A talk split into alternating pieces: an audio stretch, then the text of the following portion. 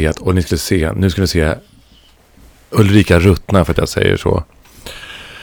Ja, men starta du. Start, varsågod Ulrika, starta du.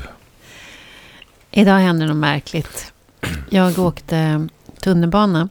Jag var iväg på en grej innan vi träffas. Och så åkte jag tunnelbanan till T-centralen. Mm. Ner till den blå linjen, ni vet den är ju Mm. rätt lång. Mm. Och ska. Rulltrappa menar du? Vad sa jag för något? Tunnelbanan till den blå linjen. du, åker, du åker mycket tunnelbana hör jag. Ja, det hände. Ja. Jag stod i rulltrappan i alla fall. Och så står jag i rulltrappan och så är det någon som knackar mig på ryggen. På axeln.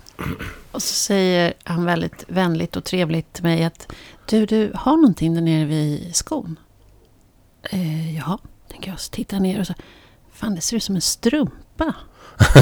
som hänger ut genom, genom min byxa.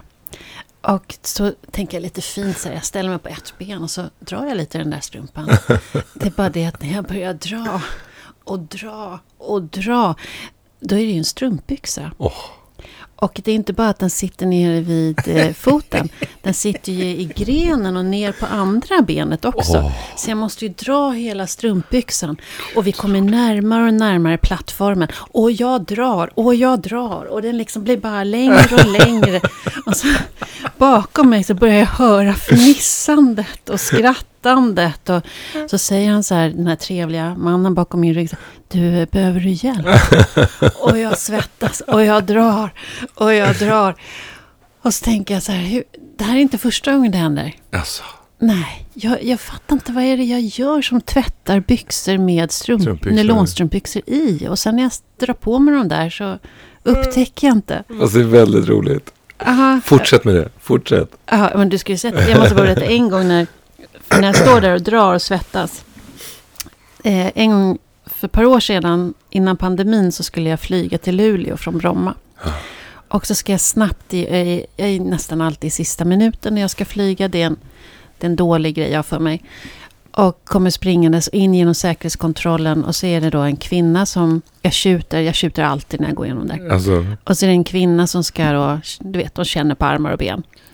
Och så bara tar hon tag om mitt lår med ett hårt hand och säger hon, du, vad är det här för något?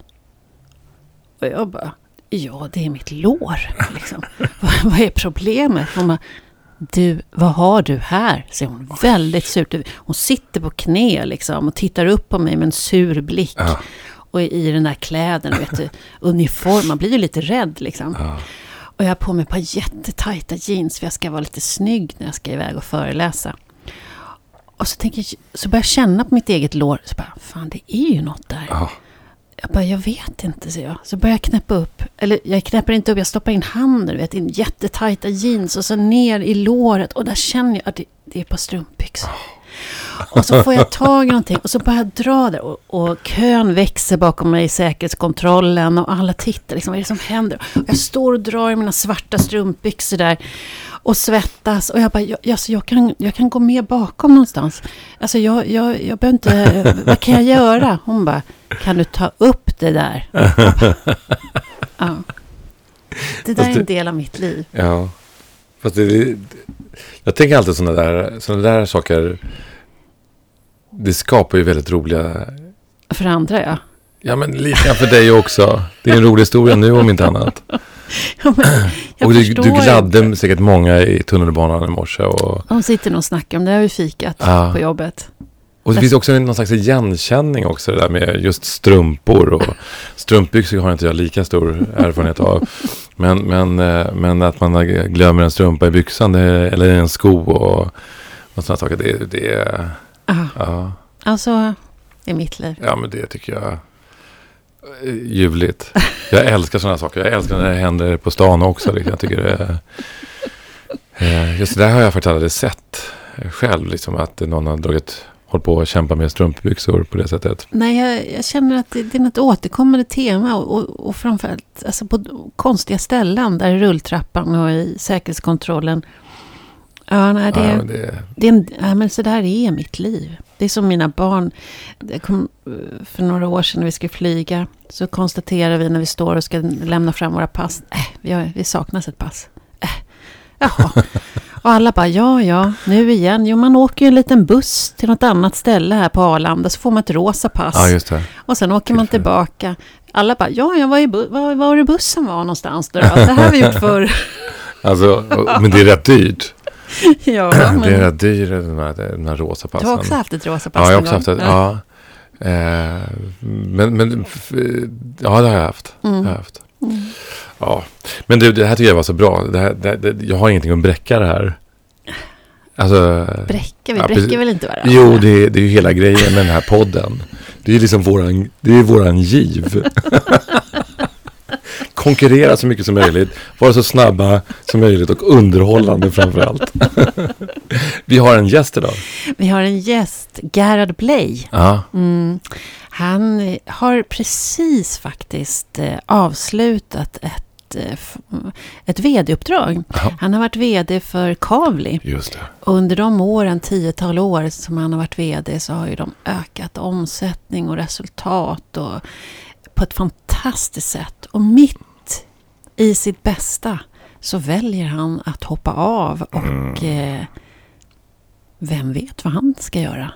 Inte vet jag. Det ska vi ta reda på. Ja, han är ekonom, Ja. har varit företagsledare i stort sett hela sitt vuxna liv Ja. i näringslivet, men också i idéburen sektor. Så att, eh, det ska bli väldigt intressant. Verkligen. Mm. Ska jag hämta honom? Det tycker jag. Det gör jag det.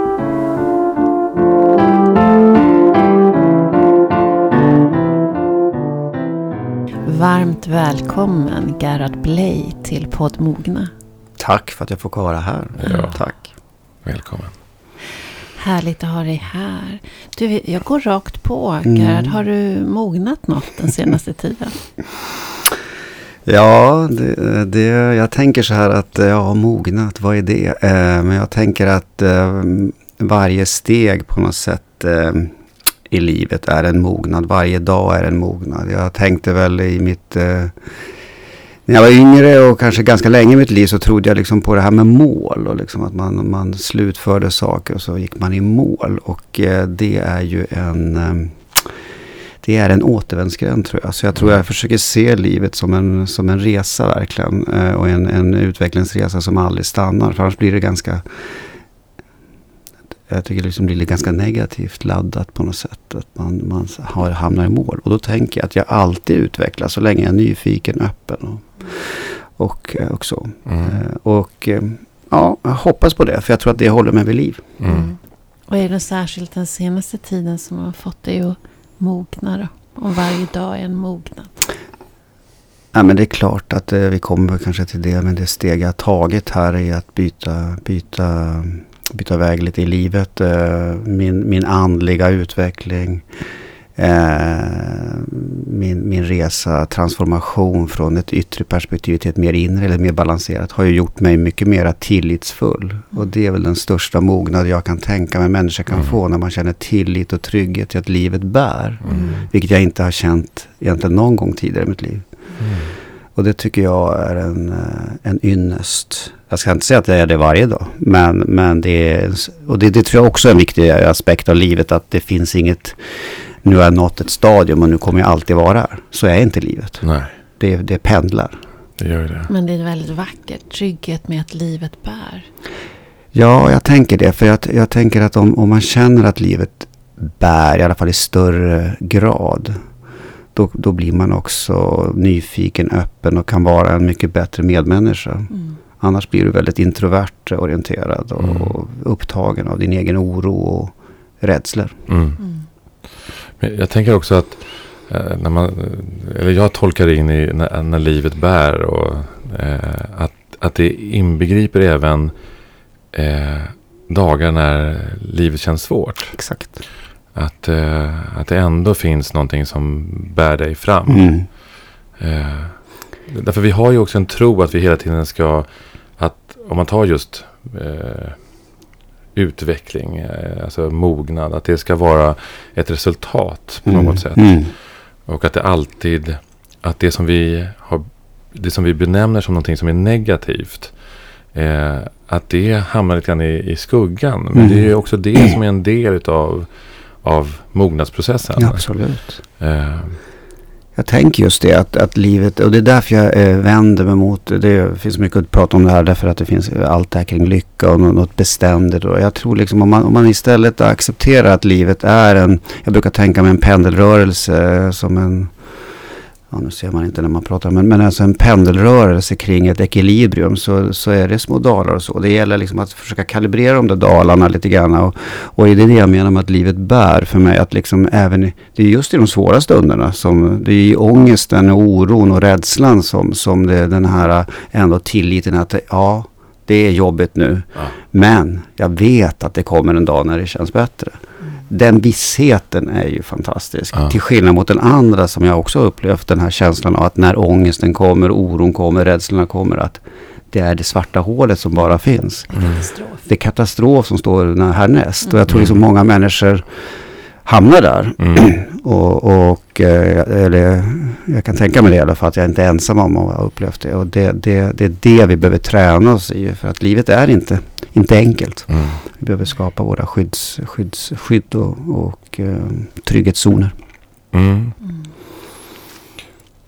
Eh, Det, det sista, är, är det så att vi behöver, alltså vi, vi behöver skapa trygghetszoner? Sa du så? Mm. Ja, vad, tänk, vad, vad menar du med det? Vad är en trygghetszon? Nej men jag tänker just att, jag kan, eh, det här kan jag prata mycket om, men, men just att jag tänker Please att det, är därför du är här. Eh, nej, men det här har liksom en mitt, mitt eh, liksom, och det, det kan översättas till både ett samhälleligt perspektiv, ett individuellt perspektiv, ett organisatoriskt perspektiv. Att, att det här fokuset på den, på den yttre dimensionen i livet, det materiella, det synliga, det, det som vi, prestation och allt det, det är väldigt, väldigt eh, grunt och väldigt så att säga sårbart. Ja. Eh, utan det är när vi, när vi får balans med det inre i våra liv. Det är liksom kontakt med våra innersta värderingar, vår grundtrygghet, vår, våra relationer. Allt det som skapar, som jag menar, fundamentet i våra liv. Det skapar en trygghetszon tror jag. Och den är väldigt, väldigt grund när vi människor bara är fokuserade på det yttre. Det är bara att sticka hål på den där lilla ballongen så smäller det. Och så är allt det där materiella helt värdelöst, har ingen bäring alls. För det bär inte. Det bär inte när livet krackelerar. Mm. Utan då är det något annat som måste by- bygga upp det. Och då är det de inre dimensionerna av livet. Och det menar jag, det kan vi översätta till ett samhällsperspektiv. Därför att eh, varför ser vi all ensamhet, oro, ängslan i ett liv där vi har allt materiellt sett? Mm. I någon form av makroperspektiv. Alla människor har inte det vill jag direkt säga. Men, men, men i det stora hela. Och där tror jag att det är det. Den där ballongen den pyser ut så snabbt och då, då tappar man allt. Mm. Därför ska vi bygga de här trygghetszonerna, om man kallar det det. Eller Mm. den inre tilliten. Mm. Kan man bygga ett samhälle byggt på inre tillit, då löser vi många problem. Mm. Jag tänk, när du säger så, så tänker jag, jag jobbar ibland med ledningsgrupper. Och jag har gått ifrån nu, från att jobbat med nu sätter vi en ny vision, nu ska vi tillsammans eh, öka vår effektivitet. Så har jag sagt flera gånger nu att nej, vi ska jobba med det lilla. Vi ska jobba med Mm. sårbarheten. Mm. Vi ska klokt. jobba med att vara i det som är. Mm. Eh, För det är det som korrelerar med om det är att ni håller Mm. när stressen och pressen ökar. Exakt. Eh, och att ni fattar gemensamma kloka beslut. Mm. Eh, och, och det, då har det blivit väldigt bra, men det har också blivit väldigt mycket frågetecken. För man är så van vid att hela tiden springa mot någonting bättre, springa på... Allting som går långsammare är dåligt. Mm. Mm. Allting som inte blir klart och kan bockas av på en gång, det, är- det är någonting sämre. Och, och det där tror jag, nu, pratade, nu sa jag just ledningsgrupper, men det här gäller ju oss alla i. Mm. i livet, i det mesta. Mm, absolut. Och, och vad det försvårar tror jag för oss. Mm. Mot det här som du pratar om. Mm. Den riktiga tryggheten. Ja, ja, men absolut är det det. Och, eh, men hela vårt samhälle har ju, har ju väldigt starka normer kring vad som är rätt och fel i det här Mm. sammanhanget. Och då är det ju det yttre och de här prestation och mål och Mm. strategier. Och jag menar inte att det är ett motsatsförhållande. Nej. Jag menar att det, det är en, en det, det är bara en symbios som måste byggas. Mm. Som vi tyvärr har genom de sista industrialismen och kapitalismens utveckling har liksom tryckt bort. Mm. Mm. Eh, och det tror jag är vårt stora, stora, vårt stora samhällsparadigm vi måste, mm. måste justera nu. Just det. För, för det, det, som du beskriver nu Ulrika, tänker jag, och du också Gerhard, är ju det som vi har satt likhetstecken vad vi betecknar som utveckling. Mm. Det är det som vi har sagt att det här betyder utveckling. Mm. Det här är, betyder framsteg. Mm. Och eh, man, man, kan ta till exempel forskningen, en viss form av forskning idag kan jag ibland häpna över att det är fantastiskt. Men jag kan också tänka, varför? Mm. Varför forskar vi på det här? Mm. Eh, eh, jag, behöver inte ta exempel egentligen, mm. utan det är ganska generellt ibland kan jag undra, vad är det vi, och ändå är det så att jag anser att all kunskap är bra. Mm. Eh, det finns egentligen ingenting som vi... Men det är någonting där vi har, när vi tappar den här idén som du pratar om, om den inre utvecklingen. Mm. Eh, som är, och där undrar jag egentligen om, om det verkligen går att få ihop det här hand i hand, dit vi har kommit idag. Eh, vi mm. säger ofta så här att eh, det behöver inte vara ett i, stå i motsatsförhållande till varandra. Eh, och jag ställer mig frågan, är det verkligen så? Kan vi fortsätta så här och även eh, driva en inre utveckling och, och tro att, att vi ska hitta en tillit i det här? Eller har vi kommit till vägs ände när det gäller eh, ja, du, du, du, du, nämnde industrialismen och kapitalismen. Mm. Alltså, eller måste vi hitta ett, en ny väg nu? Kanske. Du, du sa också mm. paradigm. Mm. Nej, det där, är en, det där är en svår fråga. Jag eh, har ju en naiv tro på att vi har en inre, inneboende kraft att kunna justera. Men jag är inte säker. Nej. Men det, det, det bara vill haka på det jag tycker som är väldigt intressant det du säger. För det är en av mina käpphästar också. Det här med vetenskapens kraft i vårt samhälle. Det är klart att kunskap är viktigt och kompetens. Men vi har ju, vi har ju hamnat i ett, i ett samhälle där bara det mätbara, det mm. vi tror är sant, det faktabaserat är det enda, enda som är på något sätt på riktigt. Mm. Allt det som där man börjar tro eller där man ser saker eller bedömer saker eller filosofiska bedömningar. Det, är inte, det, det finns inte. Mm. Och det gör ju att den här dissonansen uppstår menar jag. Och, och, då kan man ju fråga sig då förstås, har det gått för långt? Mm. Eh, behöver vi ett helt annat system liksom för det här? Mm. Att diskrepanserna blir för stor? Ja, mm. eh, ja, ja, i Sverige kan man ju ibland bli rädd för det. Men, men, men jag, jag, jag hoppas ju att det, att det inte är så. Men, mm. men det kommer krävas något kraftfullt. Det tror jag. Mm. Du, Gerhard, du eh, har ju eh, ägnat många år i näringslivet. Du har varit vd på, i flera bolag och senast nu på Kavli. Och för ganska kort tid sedan så valde du att lämna mm. och hoppa av. Mm. Efter en väldigt framgångsrik period. Ni har ju ökat både lönsamhet och omsättning rejält. Men helt plötsligt så bestämde du dig att mm. nej, du ska göra någonting annat och kasta det ut. Vad var det som vad var det som gjorde, för jag förstår att det finns massor med olika skäl till varför du fattade det beslutet. Men vad var det som fick dig att bara, nu är det dags, nu gör jag det. Mm. Ja, det är väl så att det, eh, utåt sett kan det också framstå som att det kommer eh, plötsligt. Det var det väl inte på ett sätt. Alltså det, det är ju närt en dröm länge, många år, att liksom få en friare tillvaro där jag får utforska livet snarare än att jag liksom krampaktigt försöker överleva det här livet. Eh, men så länge jag inte hade kontakt med mina inre värderingar och kontakt med den här tilliten till livet, tänker jag, så var, var det inte en, det var liksom en utopi för mig att göra det här. Eh, och eh, under årens lopp när jag har utvecklat, utvecklat min egen liksom känsla av att jag, jag duger som jag är och att jag kan vara den jag är, så har det där väl växt. Sen kände jag väl bara nu, alltså ibland kommer, kommer det till en. Det var, det var läge, det var liksom, jag hade levererat fantastiska resultat. Vi har allt, att allt slog i taket på något sätt. Jag hade fått göra det jag ville. Jag törstade efter att mm. våga ta det här steget ut och se vad livet har att erbjuda. Där jag också mm. kan hjälpa andra och få mm. utveckla, ja, göra de här stora frågorna till mina också. Mm. mm.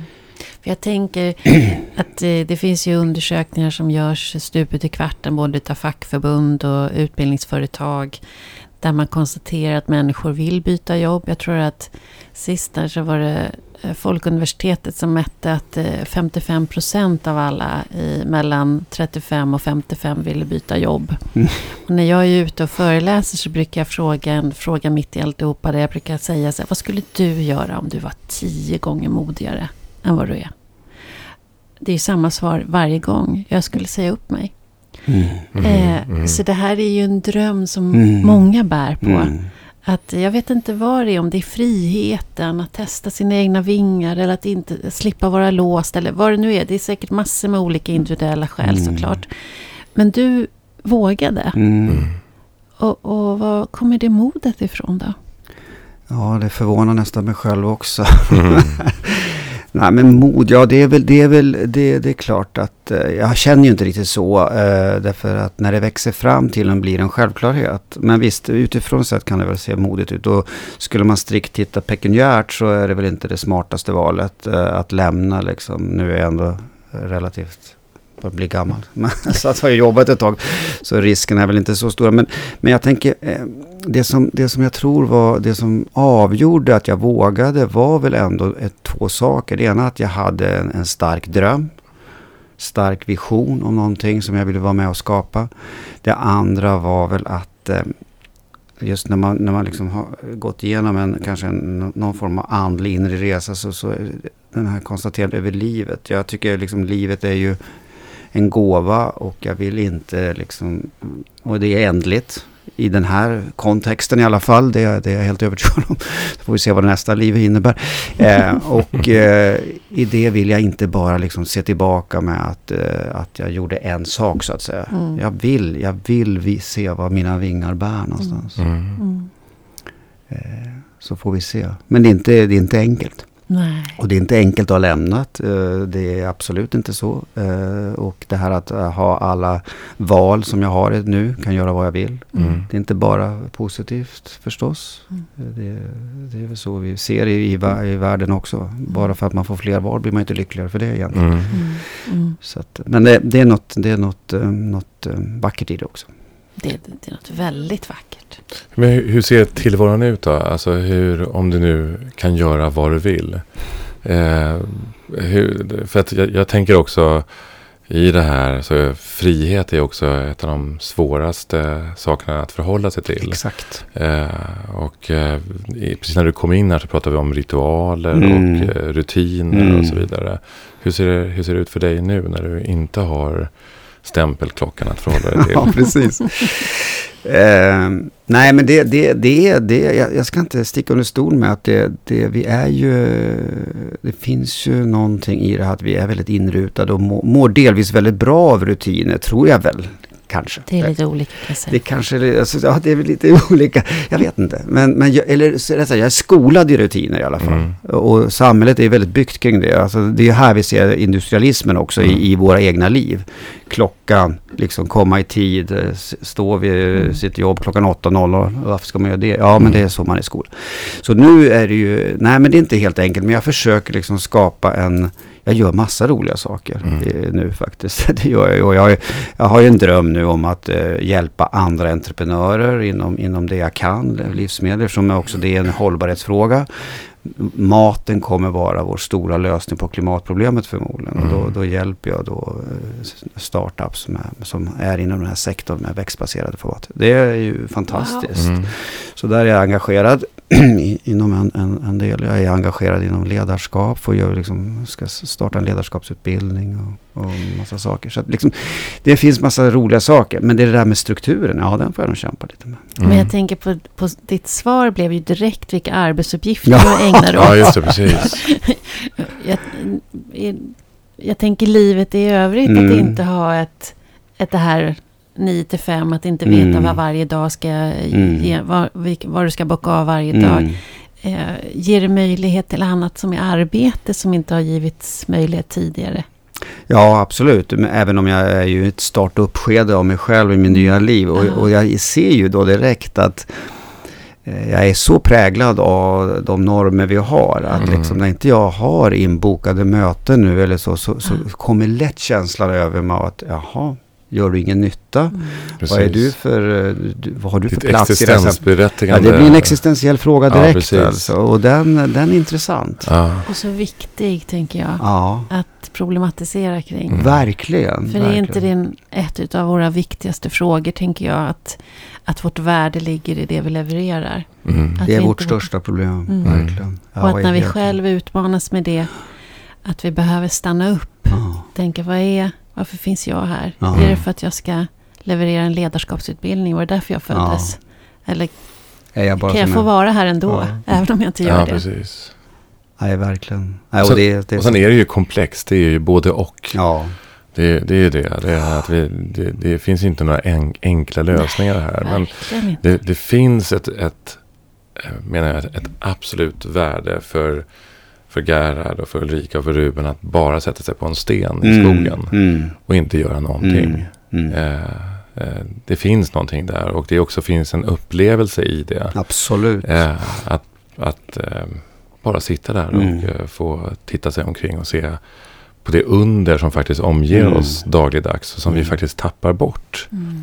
Speciellt när man bor i en stad kan jag tycka. Ja, Mm. Där det är så hektiskt. Mm. Men jag tänker också Mm. stanna upp och, och om omsorgen om varandra. Jag, jag har ju också gjort precis som du en gång i tiden, fast det är ett tag sedan nu. Eh, över tio år sedan när jag hoppade av ett uppdrag eller en, ett arbete. Och jag hade väldigt många, jag hade tre barn, men jag hade också många extra barn som bodde hemma hos mig. Mm. Eh, mer eller mindre. Och eh, jag kommer så väl ihåg en bild. Det var en pojke som jag älskar oerhört mycket, betyder jättemycket för mig, som jag mötte nästan varje dag i min hall, i mitt vardagsrum, i, i, vid mitt köksbord. Jag visste att han hade det väldigt tufft. Vi pratade om det då och då. Eh, och jag peppade lite och hade lite tips och råd på vägen. Och sen sprang jag vidare till jobbet. Mm. Och så hoppar jag av och så kommer jag hem. Och så sätter jag mig ner och så tänker jag, nej men, nej men så här kan det inte, nej nej nej, så här får det inte vara. Mm. Och tar med mig honom till hans skola och styr upp och möte med hans rektor. Och vi går igenom hur, hur jag kan stötta honom på riktigt. Och det var sån otrolig Mm. insikt för mig. Mm. Att det där skulle jag ha gjort för länge, länge sedan. Ja. Men jag var så upptagen av annat. Mm. Och, det, och det blev verkligen en insikt för mig. Vad, vad finns jag här för? Vad är viktigt på riktigt? På riktigt, ja. Mm. Och hur viktigt det är att, att inte tappa den. Tappa Men det är det jag menar med det här insikten. inre och yttre lite grann. Att, det, att, att jag, min dröm om kombinationen. Att, Mm. att den balansen faktiskt är, är viktig för båda sidor. För i den Mm. där att sitta på stenen. Eh, om vi tar det som en bild. Så ut, uppstår ju massa saker. Förutom att man liksom kommer i kontakt med massa saker runt omkring. Så kommer man också i kontakt med sitt, sitt inre. Och därmed sina, i slutändan sina inre värderingar. Och, och låter vi våra inre värderingar styra våra liv mer. Så tror jag också det blir mera rätt så att Mm. säga. För så länge vi är i yttre perspektiv så styrs vi så mycket av andra impulser och händelser styrda av vad andra tycker. Mm. Jag tror nämligen på människan och jag tror liksom att de flesta människor, eller jag är övertygad, är kärleksfulla och vill väl. Och, och, och så, men, men, men man bottnar inte det. Och därför är den här äh, sitta på stenen en viktig del för utveckling och, och det vi kallar den andra delen där vi ska effektuera det. Det yttre perspektivet där vi Mm. mera är görandet Mm. kontra varandet. Mm. Och de två tror jag är symbioser Mm. i den bästa världar. Mm. Det är bara det att i vår värld så är det yttre. Det är görandet är det som uppmärksammas liksom, och honoreras och belönas. Mm. Mm. Det andra är ju nå- någonting som är lite, om man ska hårdra humbug, konstigt. Va- Varför Mm. det? Är det viktigt? Mm. Ett, ett Det- icke-görande Ja. tror man. eh, Precis. Får jag, får jag fråga så här som, eh, utifrån en, nästan ett barnsligt perspektiv. Jag håller ju också på med det, den inre resan när jag Mm. mediterar och sådär. Apropå att inte göra någonting. Mm. Att meditera är väldigt aktivt Mm. egentligen. Mm. Eh, men eh, vad, vad, vad är det här med att få kontakt med sitt inre? Vad, vad, vad är det för någonting för dig, Gerhard? Vad, vad, är, det, vad är det för, är det någon form av dialog eller Mm. vad är det för någonting? Jag tror liksom det... det så jag, eh, jag tror att eh, det, det här är ju alltid lite... Man kan kalla det många saker tror jag. Eh, och jag går ju också i kyrkan och ha- ha, har en, liksom en kristen grundtro. Men, men jag, jag, vill liksom inte, för det är lätt att det, när man tar upp det så blir det lätt liksom en polarisering och en polemik kring kristendomen och allt det. Jag tror det här är mycket djupare än så egentligen. Utan eh, nej, det är en inre dialog för mig. Mm. Och jag säger, jag kan bara prata för mig själv, men, men, när man delar med varandra, och det är därför jag kommer gärna tillbaka till det, det här att dela med varandra i sammanhang, då får man också eh, insikt om sig själv. Men för mig handlar det väldigt mycket om en inre dialog med min, min som jag kallar det, högre kraft eller något annat. Och i mm. den dialogen Eh, så utvecklas en, en, kontakt med vad som är viktigt för mig. Och det brukar jag säga, det som är viktigt för mig det är mina innersta värderingar. Och i mina innersta värderingar, om jag får kontakt med dem, då tror jag också att jag hittar min plats på jorden. Mm. Jag, jag, brukar tänka så här att, för jag har ju brottats mycket med meningen med livet. Alltså va, varför är vi här liksom? Mm. Och, och, för mig har det varit en viktig fråga, en existentiell fråga. Allt det där. Svaret är ju naturligtvis svårt, man måste hitta sitt eget svar. Men jag har hittat det genom att, att se framför mig ett stort pussel. Där hela mänskligheten figurerar. Och en, ett pussel blir ju bara fulländat eh, när alla bitar ligger på plats. Men varje pusselbit är ju, är ju unik. Mm. Uh, och då tänker jag att varje människa på denna jord som levat, har levat, kommer leva. Det är en del av det här pusslet. Och vi, vi har en unik plats och är ämnade att göra någonting särskilt. Och det, för att hitta sin plats i det där pusslet, så måste vi börja i våra värderingar. Börja mm. där vi är. Då blir vi de vi är ämnade att bli. Kontra den här bilden som jag levde i. Mm. Att vara en produkt av mitt, min omvärld jag blev den jag förväntades vara. Så var jag under 20 år i, i min karriär. Mm. Det vill säga en helt annan person vill jag påstå. Och då hittade inte jag min plats i pusslet. Eh, och, då, och det, för mig blir det en väldigt fin bild. Därför att den visar att eh, alla är lika mycket värda. Mm. Det är en jämlikhetstanke i det. Eh, och så har jag också tänkt när jag ritar organisationsscheman, ritar jag dem som pussel. det, det, andra är liksom att det blir också en, en del i att eh, skillnaden mellan oss mm. är det viktiga. Mm. Det är därför vi ser olika Annars skulle vi se likadana ut, men vi ser mm. olika ut, vi är olika. Det är ju en kraft i oss. Mm. Och den ska vi nyttja, apropå integration och invandring och alla de här frågorna vi diskuterar. Mm. Så för mig blir det en väldigt fin eh, metafor till ett samhälle i balans, i jämlikhet, där alla har en uppgift. Mm. Vi har olika uppgifter, mm. men alla är viktiga. Jag blir så nyfiken. Det här med pusslet och så och din resa, du säger att det är 20 års tid. Om din egen transformation, det är ju för det är den du beskriver lite mm. grann. Att, att eh, dels nämner du när du bestämde dig för att lämna, att du ville leva din vision, din mm. egen. Eh, och sen nämner du den här förändringsresan som du har gjort då, som verkar, verkar det låter som en väldigt stor mm. förändringsresa. Eh, kan du inte beskriva lite din vision, när kom den och hur, har, hur den här transformationen mm. så, har den sett ut?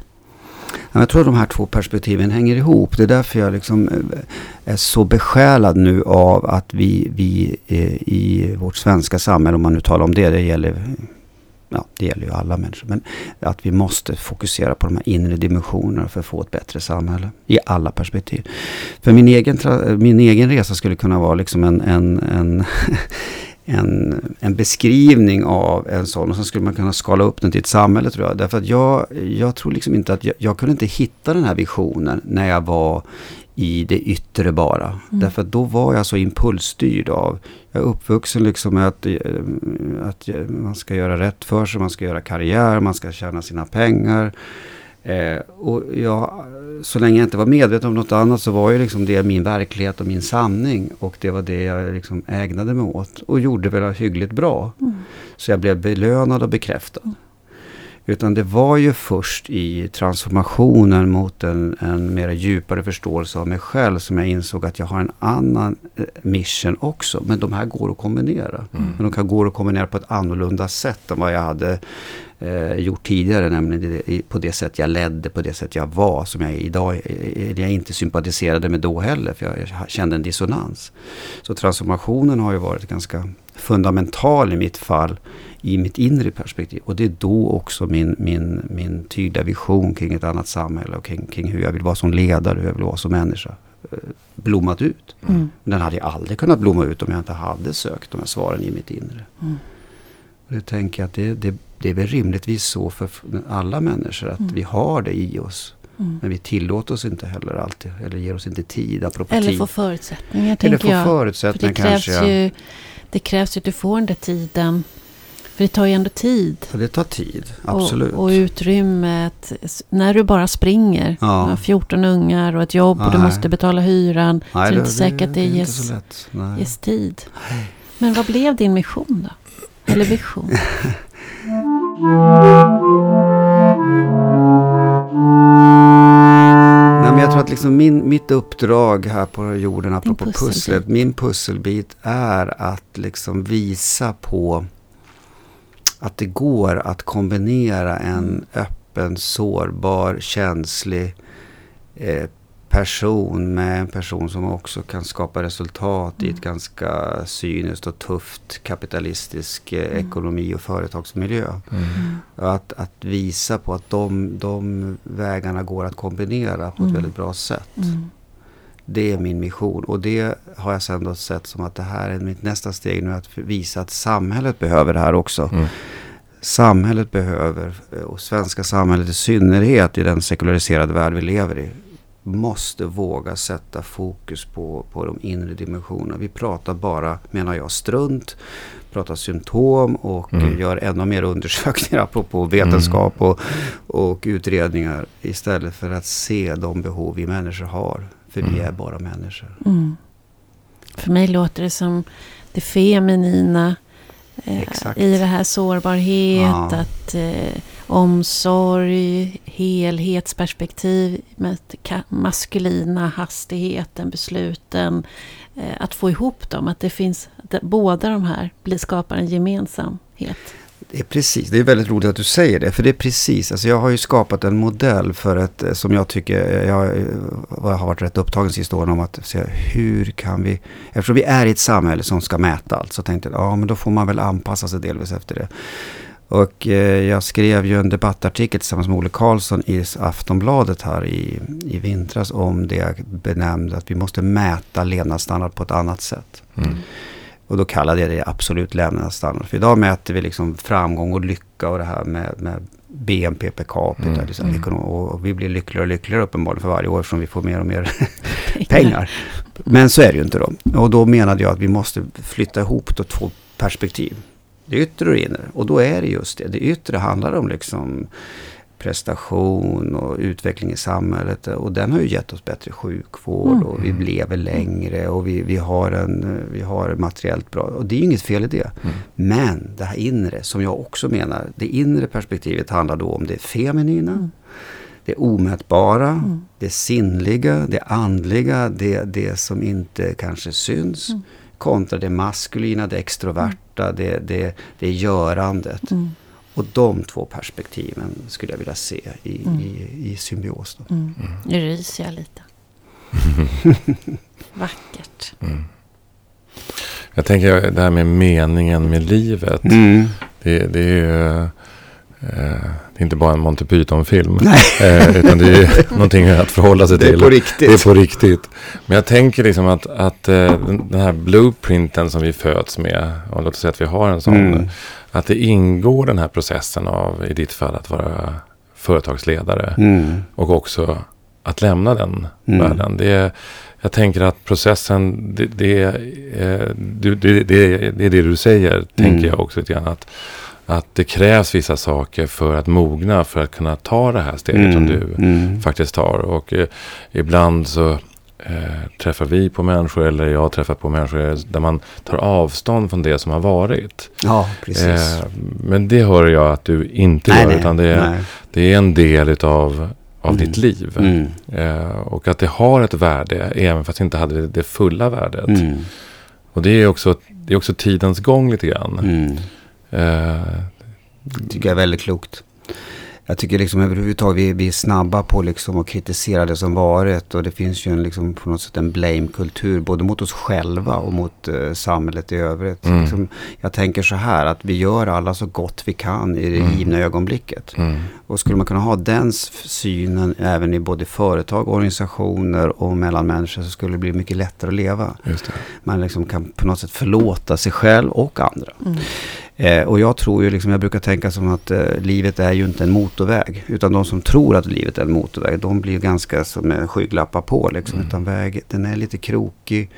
Och alla de krokiga vägarna lär oss liksom på vägen på något sätt. Mm. Nej, så att jag tycker Och, inte... och jag tänker också, jag brukar säga det till mina barn, det fin- det finns också massa stigar och vissa Ja. stigar kommer ingenstans utan man får gå tillbaka. ja, men att, det är bra. Mm. och det, att det, är, det är ingen trappa, det är som en Nej. klätterställning. Man Mm. hoppar lite hit och lite dit och ibland blir det bra, ibland blir det Mm. inte bra. Men allt är i livet. Det är allt i livet och allt är en lära. Mm. eh, Allt är en lärdom, precis. Ja, Mm. jag tror det är viktigt att se det så. Ja.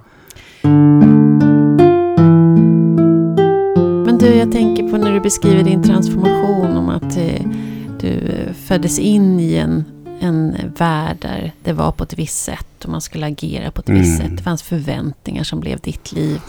Eh, Jag har ju också hört att du har pratat mycket om rädslor Mm. och att rädslor har varit en stark drivkraft Mm. tidigare i ditt liv. Och vi alla har ju rädslor Ja. som vi kämpar med och, Precis. och fightas med på olika sätt. Hur, vad, vad har varit ditt knep att hantera och bli vän med, eller vad vi ska kalla det för, att inte bli längre jagad av rädslor? Nej, precis. Nej, det där är ju en eh, stor fråga som jag också tror handlar så bra om vi pratar om. Därför att eh, jag inbillar mig, eller jag vet förstås, rädsla är ju en del av livet för oss alla. Men sen så är man väl olika drabbad kanske. Och det övergår ju oftast till någon form av ångest eller oro, oftast då för framtiden. Eh, eftersom det är det man kan oroa sig för. Eh, och, och för mig var det, handlade det väldigt mycket om att jag, jag hade enorm, haft och länge enorma rädslor. Först för att inte duga, eh, bli avslöjad. Sen att, inte, eh, att dö, eh, väldigt liksom fokuserad på det. Bli sjuk och dö och inte få leva. Och massa, massa rädslor som har snurrat i mitt huvud och som har som ju alltid handlar egentligen om fantasier om framtiden. Mm. Och, och liksom eh, mitt knep för det, alltså knep, det är väl för enkelt uttryck för det, har- det är en ständig resa. Och återigen, jag tror inte man kan liksom, och ska inte undvika att tro att det är slut på rädslan eller slut på oron. Den kommer ju komma igen till mig. Men det är tillbaka till tilliten till att det bär. Mm.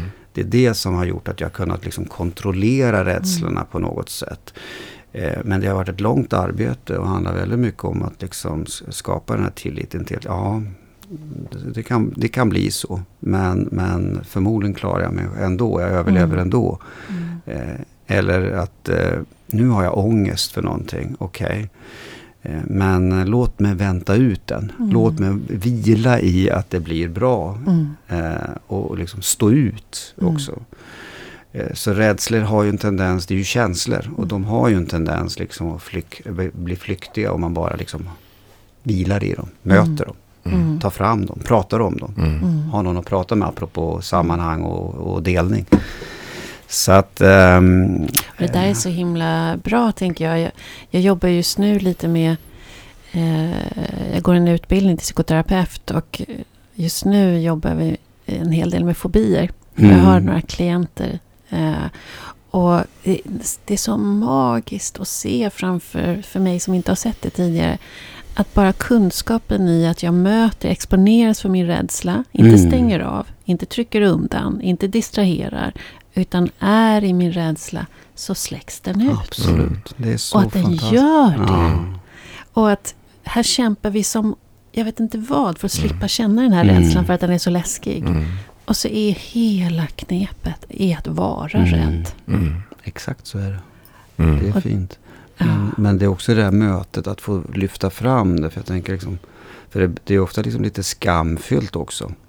Att, Inte minst som man. Mm. Inte som man så har det varit att prata så här som jag gör nu är ju oerhört sådär för många helt, helt tabubelagt. Men det är ju är, jag brukar säga när skammen får kontakt med syren så upplöses den. Mm. Så att det är liksom i ordet som den försvinner på något Mm. sätt. Så att få samtala om det. Och vå- men då måste man våga, Mm. Mm. apropå tillit. Mm. Så att, eh, Just fobin är ju så tydlig i och med att den är en omväg kring rädslan. Man har förlagt Mm. den på någonting som upptar ens fokus. mm. Och den verkliga rädslan eh, inte riktigt får plats, Mm. Eh, tänker jag. Mm. Jag tänker jag har en, en personlig upplevelse när jag tog dykcertifikat. Mm. Där jag väldigt länge var eh, rädd för mörka vatten. Mm. Och det, man hör ju direkt själv vad det där Mm. är för någonting. Eh, men en del av att ta advanced dykcertifikat. Eh, det är att man ska göra ett nattdyk. Okej. Eh, och det här var ute i Sydkinesiska havet. Och vi åkte ut mitt i natten och man, skulle, man då sätter på sig utrustningen. Så går man i baklänges så ska man gå ner Mm. 15 meter ner längs en Mm. en lina. Och där i mörkret ska man navigera sig en viss. Och på vägen ut dit så var jag så rädd så att jag... eh, En del av, an, av dykningen är ju att du ska andas Ja, lugnt. Ja. Annars gör du av med hela tuben. Eh, Så det var lite fara och färde där. Men då var det, för att göra en ganska lång historia kort. Eh, Så när jag väl kom ner Mm. och landade på botten eh, på de här 15 meter eh, där. Så, och jag var mitt i det som jag var så fruktansvärt rädd för. Så blev jag helt lugn. Och, det blev, och andningen bara satt som en smäck. Mm. Jag bara bottnade både fysiskt men även i mig själv. Ja. Och det blev ett fantastiskt dyk. Mm. Det blev en, en fantastisk upplevelse. Mm. Att vara mitt i det som jag var så rädd för. Mm. Och det där har jag, har, har jag, den har jag med mig som en Mm. bild i mig när jag, när jag känner att, att jag blir rädd för någonting Mm. och försöker hålla avstånd. Exakt. Eh, Så försöker jag, nej, det är bara att dyka i här. Det nu måste jag i här och vara Mm. i den här rädslan. Det är inte helt bekvämt. Men efter ett tag så kommer det, Kommer lindra sig. det kommer lindras. Ja, det är en väldigt fin insikt. Mm. Och så viktigt att ha med sig Ja, så många olika sig. delar av livet. Mm. Exakt. ja. För det Men det finns- finns ju mycket annat som inte är så här praktiskt som fobi mot spindlar eller hav. Mm. Det finns ju det här med relationer och kärlek Ja, och sånt där som Mm. också är, skapar massa rädslor. Och, Ja, relationer Men- på jobbet. ja, Ja, och precis. relationer på jobbet. Nej, men just konflikt är ju en sån grej Ja. eh, som, där man kan översätta det här att stanna. Stanna. Exakt. Fly inte. Eh, gå inte in Mm. eller var inte reaktiv eh, Mm. när eh, din partner, Mm. antingen på jobbet eller i relationen, säger någonting som inte passar dig. Stanna kvar ett tag Mm. eh, i det. Känn på hur obekvämt det känns. Mm, exakt. Eh, och se vad som kan hända Mm. utifrån det. Mm. Mm. Eh, Så väldigt svårt. Du har ju skrivit en bok om, något, om det här, om Mm. empatiskt ledarskap. ja, och, det. och det är ju precis det vi pratar Ja, om nu. Och medkänsla med Ja. sig själv och, och så. Eh, har du något tips hur man kan jobba med att utveckla sin empati och medkänsla om sig själv eller varandra? Eller hur tänker du kring det? Ja, men jag, jag, jag är helt övertygad om att man kan utveckla sin, sin empati och medkänsla. Eh, jag tror vi liksom är födda med det egentligen, men den har ju liksom eh, tryckts undan delvis. Eh, jag tänker att eh, eh, egentligen brukar jag säga så här, när, när vi jobbade med det på Kavli, där, där man, när, man, när man presenterar ett, ett koncept som heter empatiskt ledarskap, och det var ju min mening lite att vara lite provocerande. Mm. För människor börjar ju skruva på sig lätt. Nu börjar det bli lite mer vanligt. Men när jag kom här för över tio år sedan så var det ju empati. Det låter ju som liksom velour. 70-tal. Liksom. Man sitter i ring och håller varandra i handen. Eller vad. Men, men empati handlar ju, liksom väl, eh, handlar ju om att kunna sätta sig in i en annans människas innersta känsla. Eller verkligen förstå och känna hur det känns för Ulrika i den här situationen. Så. Ja, och, och sen agera på det istället för att agera instinktivt. Och jag tror liksom att, att skapa den där förmågan till medkänsla handlar ju för det första om eh, sin egen självinsikt till att börja med. Mm. Liksom att förstå hur man, hur man reagerar när man möter andra människor. Därför att så att man inte just reagerar utifrån hur man blir eh, liksom projicera sina egna reaktioner och att få skapa lite självbehärskning och lyssna och sitta. Men sen kan det ju vara svårt för en del människor att liksom, ja men hur kommer jag i kontakt med Ulrika? Ja, hur får jag den där kontakten så att jag kan öva min... Och då brukar jag, sa jag alltid på kavlet, ja men alltså det, för det första så måste man ju ha ett lugn, lugn situation. Alltså samtalet, det är därför vi la så mycket tid på Kavle kring, kring mötet mellan två människor. För ledarskap och empati och så, det, det utövas absolut bäst mellan två människor i en lugn miljö. Så vi tränade oss i det och sen eh, att ställa frågor. Mm. Jag tänker liksom det enklaste är ju liksom att fråga, ja, men hur mår du Ulrika? Ja, och, eller du, men, vad, hur, men vad, vad, vad, tänkte du där? Eller mm. hur känns det? Alltså, redan där är man ju på väg. Mm. Sen handlar det förstås om att också lyssna och ta in. Men det är där jag menar med självinsikten kommer. Liksom att ha kontakt med sig själv. Så definitivt kan man träna. Jag, jag såg ju det på kabel. Att det gick ju. Det mm. funkade ju. Mm. Och vilket resultat det blir. Mm. Bara några få frågor så blir människor känner sig sedda. Uppmärksammade. Ja, allt det där fina som, som växt hos människor. Gick det, apropå KPI och sådär, gick det att mäta det där empatiska ledarskapet på något sätt? Vi hade ju en, vi, vi gjorde ju liksom, eh, vi har gjort en hel modell för det här. För jag tänker att ska man implementera ett, eh, nu pratar vi, men det gäller liksom, jag tror ju, apropå det yttre och inre, att även om man ska implementera någonting som är lite mm, som inte går att sätta på pränt alla delar i ett empatsledarskap så krävs det också det yttre, yttre och inre perspektivet. Därför behöver man ha en tydlig strategisk plan och aktiviteter. Och vi kopplade det här till en modell för uppföljning också där vi, där vi när vi utvärderade individerna eller medarbetarna ska säga, per, så hade vi liksom en tydlig tudelad uppföljning. Både det vanliga, liksom hårda variablerna och det här som handlade om att värdera de fyra värdeord vi, vi som karaktäriserade mm, det empatiska ledarskapet och det har vi sagt äkta, medveten, närvarande och balans. Och det är klart, det blir inte en absolut objektiv sanning. Men vad är en objektiv sanning egentligen? Mm. Det är ju det är ingenting. Subjektiv, man Allt är så, ja, ja. Och, jag, och jag brukar säga så ja visst, men man, man måste också tro. Tror mm. man på mm. människan så tror man på empatiskt ledarskap. Sen den starkaste KPI är ju naturligtvis vad vi levererade på marknaden då eftersom vi levde i en kommersiell miljö och det gjorde vi. Mm. Men sen såg jag andra KPI. Vi såg medarbetarundersökningarna som blev bättre. Vi såg klimatet, vi såg eh, effektiviteten. Vi såg massa saker tycker jag. Men jag tror i slutändan och vi måste våga lita på vår intuition mycket mer. Och det är tillbaka till att allt ska mätas hela tiden. Jag, jag tycker det är liksom att nedvärdera oss människor och förmåga att tro och förstå och inse vad det är att vara människa och att liksom vad driver oss, vad, mm. vad gör oss eh, mer positivt lagda. Mm. Jag tänker när jag, när jag lyssnar mm. nu att ehm, eh, eh, för mig är det också eh, intuition, empati, mm. allt det här. Eh, det, det, är bra saker. Eh, och tänker jag att det finns en fara i det. Eh, det vill säga vad jag tänker ibland att jag kan ibland möta människor som utger sig för att vara empatiska mm. och väldigt intuitiva. Mm. Men där man utgår från att det jag känner är sant. Ja. Eh, och där finns det en, en, en, en krock mellan mm. varven. Mm. Och eh, därför tänker jag just att samtalet är ett väldigt bra verktyg för att vara just empatisk. Frågorna är rätt avgörande. Exakt tillsammans med min intuition. Men det, mm. det, är inte alltid så att jag har rätt Absolut i det.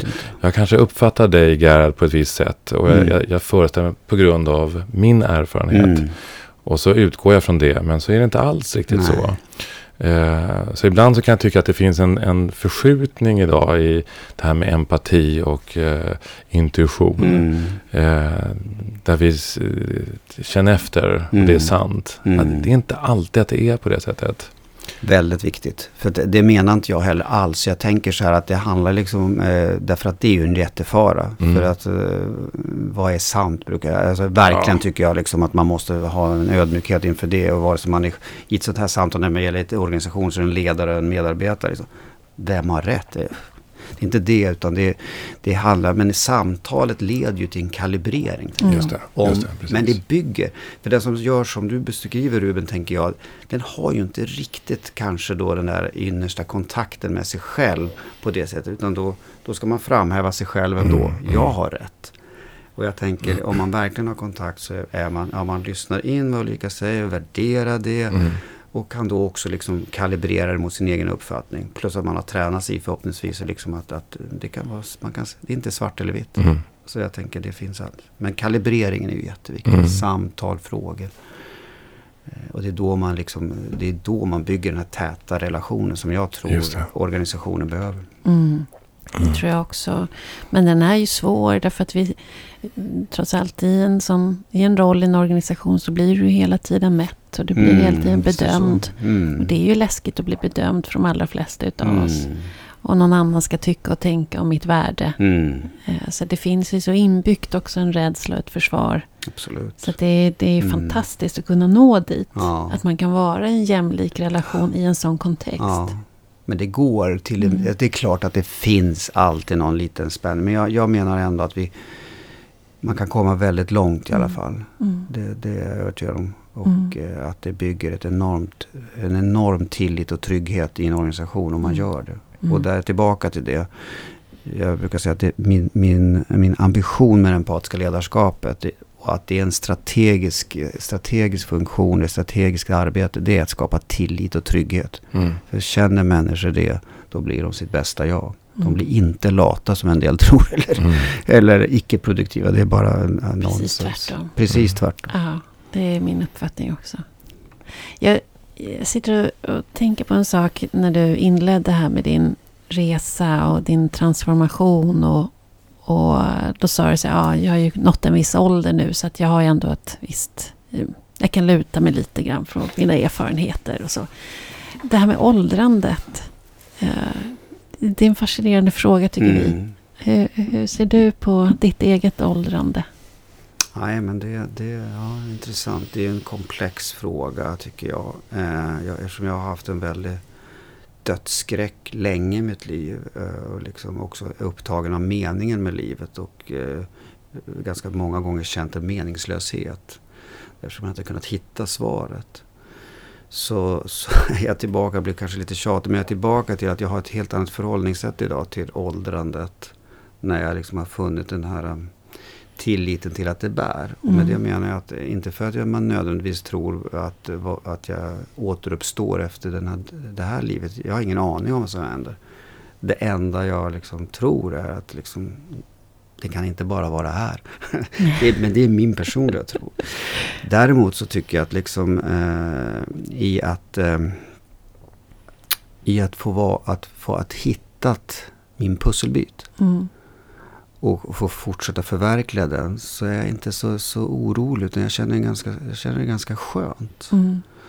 Eh, Jag, jag, har, jag kan liksom förverkliga de, de visioner jag har nu. Jag är inte så orolig för att bli gammal. Jag är inte så rädd för att dö heller. Mm.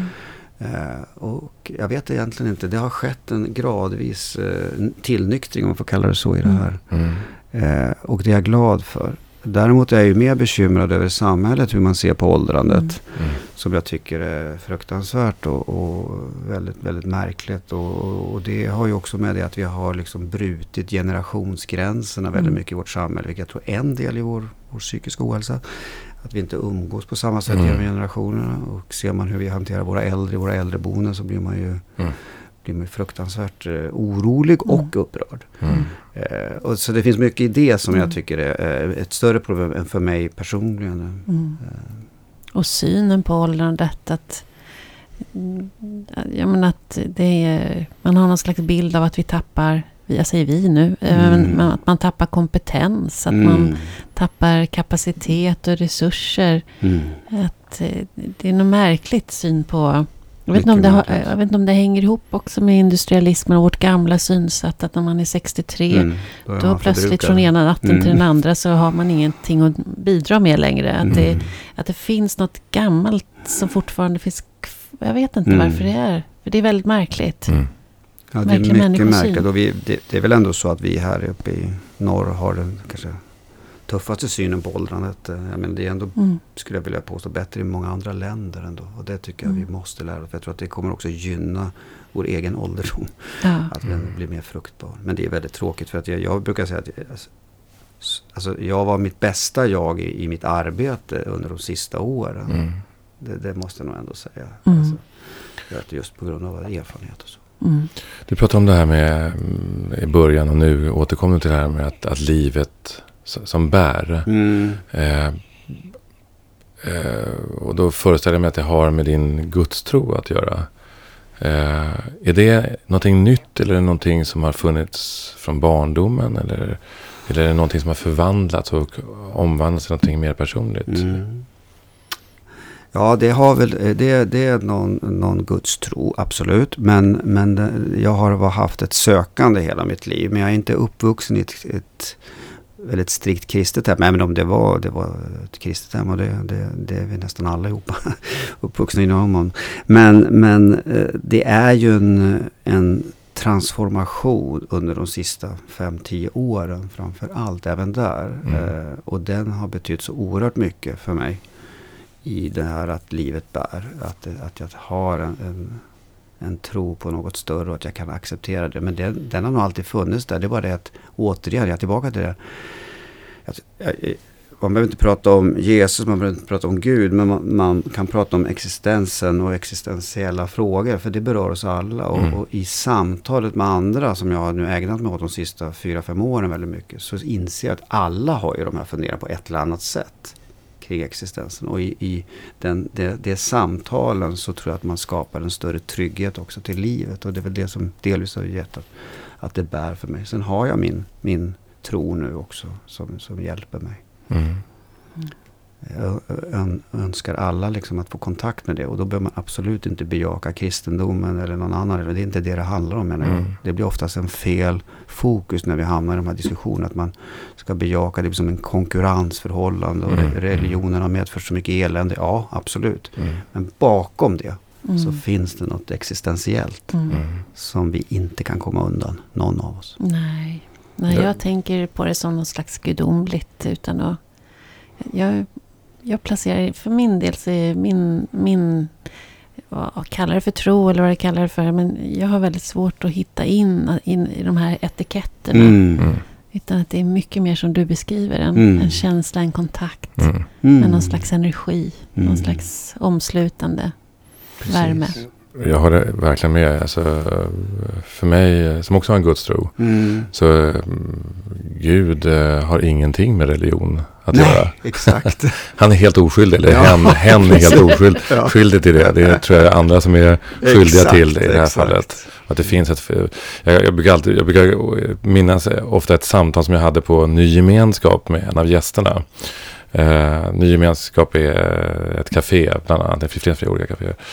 Uh, och då pratade jag med, med den här gästen, som vi kallar dem för, uh, om just Gud. Och han sa, så här, men hur är det för dig? Nej, men det är inga problem för mig, det är bara tre bokstäver. Och för mig står det för glad utan droger. jag tycker att det finns något väldigt fint och väldigt praktiskt med det. Och man tar ner det hela till någonting annat också. Mm. Det var fint. Ja. Vi ska börja runda av. Ja. Um, och vi har ju en fråga till dig Gerhard som vi har till alla våra gäster som vi brukar avsluta med. För vi tycker det är det här med att, att skapa förutsättningar för att få människor att växa. Vi tycker det är fascinerande tanke. Hur, hur tänker du? Vad, vad behövs för att vi som kollektiv, som samhälle ska mogna? Ja, jag, jag, tror att jag har berört ett antal gånger mm. under det här samtalet verkligen. För jag tror att det är det, det, inte bara tror, jag är övertygad om att vårt samhälle behöver investera både resurser och tid i det, det här inre perspektivet som jag pratade om. Det feminina, det omätbara, det, det sinnliga, det andliga. Det som inte, som inte kan ses men som är. Och det det tror jag är, en, en, det är det som är samhällsparadigmet. För jag tror om vi får mer kontakt med våra inre känslor, våra inre värderingar, så kommer vi också få en helt annat sätt att uttrycka oss, vara. Mm. Den politiska debatten blir mera, mera balanserad. Klimatfrågan, tror jag, som ett exempel, har sin grund i, i det här. Därför att vi, vi är styrda av det materiella eh, och eh, och alla pratar om klimatångest. Därför vi är alla en del av problemet och vi gör mm. inte tillräckligt mycket. Därför vi fortfarande är, belönar ju den yttre sidan väldigt mycket. Det är det som ändå räknas mm. i samhället. Och det där, det där blir en dissonans som inte går. Så jag tror om vi som samhälle, individ, kollektiv ska mogna så är det att vi måste som, som gemenskap satsa på de inre dimensionerna. Låta det flöda igen. Mm. mm. Och få utlopp och få bli lika mycket värt som allt det andra. Och hur skulle det, någon praktisk, hur skulle man kunna bryta ner det till någon aktivitet eller till någonting som är... Ja, men jag tror att eh, eh, jag tror liksom att eh, det finns ett antal redskap. Eh, jag har ju tänkt att ett eh, mänskligt, humant, empatiskt ledarskap ute i organisationer är en väg. Mm. Därför det öppnar upp människor till att få prata om sårbarhet, mm. Den de är. Inom det empatiska ledarskapet finns det också en väldigt tydlig vision om ett, ett balans i livet. Tänk Därför livet pågår 24 timmar. Det är inte så att man går in i en roll på jobbet och så vidare. Alltså det finns en holistisk syn på livet där. Och jag tänker att vi spenderar så mycket tid i våra arbeten och organisationer. Och kan man börja där att förändra synsätt på mm. människan och människan så kommer det spilla över på massa andra frågor. Mm. Så det är ett tydligt mm. exempel. Sen tror jag att vi, liksom, vi måste skapa forum. Alltså för jag tror att det saknas i språk idag. Därför tidigare var det kyrkan som var språket för de här frågorna. Men Eh, och jag, ju, jag, ju, jag, går ju i kyrkan så jag, jag, jag, är vän av den på det sättet. Men de har ju på något sätt blivit alltför förknippade med staten och liksom en institution och organisation. Så man måste liksom bredda det här att skapa liksom eh, sammanhang där man kan föra resonemang kring, kring de här eh, andra frågorna. Tillsammans med andra. Jag, jag drömmer om liksom tankesmedja till exempel där man blandar politiker, kulturpersonligheter, mm. näringsliv kring att föra samtal. Mm, det drömmer jag också om. För att jag tror på mm. det. Jag tror liksom vi måste prata om de här sakerna och vi mm. måste skapa förebilder och visa i handling. Och jag har försökt visa i handling på Kavli genom att föra in ett helt annat typ av ledarskap. Och jag, jag, jag vill påstå att det fungerar. Mm. Mm. Ja, det skapar ju väldiga resultat. Det har vi sett också. Ja, det gör det också. jag, jag, måste berätta en, en liten anekdot.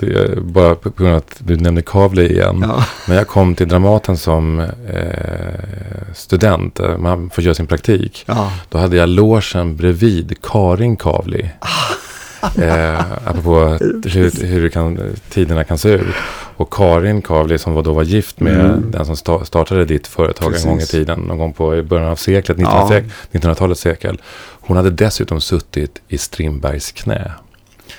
Eh, det är också lite svindlande. Oh, wow. ja. ja, det är ju ja. Och hon satt innan föreställningarna och drack ur ett litet, litet, litet glas körsbärslikör.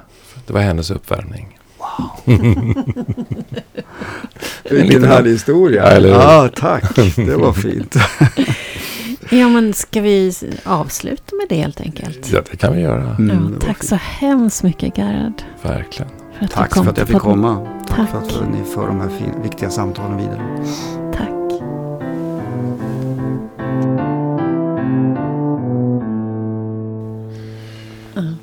När var du sover sist?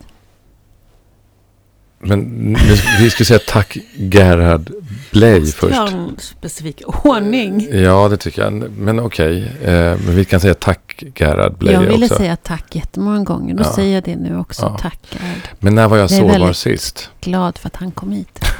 vi pratar i munnen på mm, varandra. Det tycker jag är mysigt. Ja, det är det. Eh, när var jag sårbar sist? Eh, men, eh, jag tänker faktiskt inte riktigt så längre. Alltså på det sättet. Utan eh, eh, jag försöker faktiskt vara sårbar. Mm. I, så här, att, det, att jag inte försöker vara... Jag försöker ju demontera min, mitt jag på det sättet. Alltså eh, ta ner idén om, om vem jag är eller vad jag symboliserar eller, och så vidare. Och det skapar ju, det gör ju att jag blir sårbar. Blir du eh. verkligen det? Hela tiden? Nej, det blir jag inte. Eh, jag sa att jag försöker vara, vara i min sårbarhet. Det är lite skillnad. Nej, men jag, tänker, jag försöker bara förstå. För jag tänker när jag tänker på mig själv så... Just nu känner jag mig otroligt osårbar. Alltså jag... Och då menar inte jag att inte jag skulle kunna bli sårad. Verkligen inte. Men, men i... Det finns ju situationer där jag blir väldigt triggad. Där jag blir rädd eller mm. osäker. Eller, och då blir jag ju väldigt sårbar. Och att då våga vara i den här sårbarheten ja, istället för att ha strategier för att skydda mig från sårbarheten. Exakt. Det, det tänker jag är någonting annat ja. än det du pratar om nu? Bara så att jag förstår. Ja, men alltså Eller? för mig är inte sårbarhet att jag må, att, eh, rädslan för att bli sårad. Sårbarhet är för mig att vara öppen och Mm. transparent och Mm. att försöka känna in. Vara autentisk. Vara autentisk då, för att Mm. försöka, försöka. Men alltså alla de här, eh, det, det är ju ett, det är en process. Mm. Eh, Det är lätt att sätta, sitta här och snacka. Mm. Eh, Sen, sen är ju jag ju uppbyggd av trauman och Mm. rädslor och ångest och allt det där. Men det, min idé idag är ändå att jag har väldigt lite att försvara. Mm. Eh, och att det också finns också en, en kultur där jag har vuxit upp, inte minst den manliga kulturen, som, där jag skulle vilja just dekonstruera den liksom, Mm. och eh, slippa ha den. Och det innebär ju att jag blir mer sårbar Mm. i vissa situationer. Och ibland kan det kännas, och ibland kan det kännas bara bra. Mm. Eh, eh, men det är Det- klart att det är, det är olika. Jag tycker det är väldigt spännande samtal. Att när jag är, vad ska vi kalla det för, naken eller öppen för en annan människa, oavsett vem, liksom i mötet. Och då på det sättet sårbar. Mm. Att det är en sak att eftersträva. Och det andra när du är ehm, rädd. Kanske jag ska säga då. Mm. Där du blir rädd för någonting.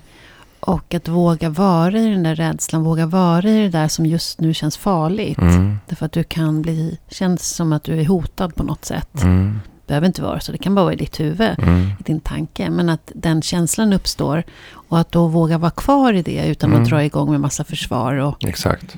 att det är, det är olika tillstånd. Mm. Ja, men, det- Det är intressant. ja, Mm. jag tycker att det var det vi hörde lite grann också i samtalet med, med Gerhard. Ja, att han Mm. vågade vara både och. Mm. Både vara i sin, jag vet inte, naken låter konstigt, men ett liknande, men i alla fall eh, utan skydd då. Mm. Och att han vågade hantera också sin ångest eller sin rädsla, att våga vara i den. Att Mm. Han hade båda. Mm. Mm. Jättevackert. Vackert.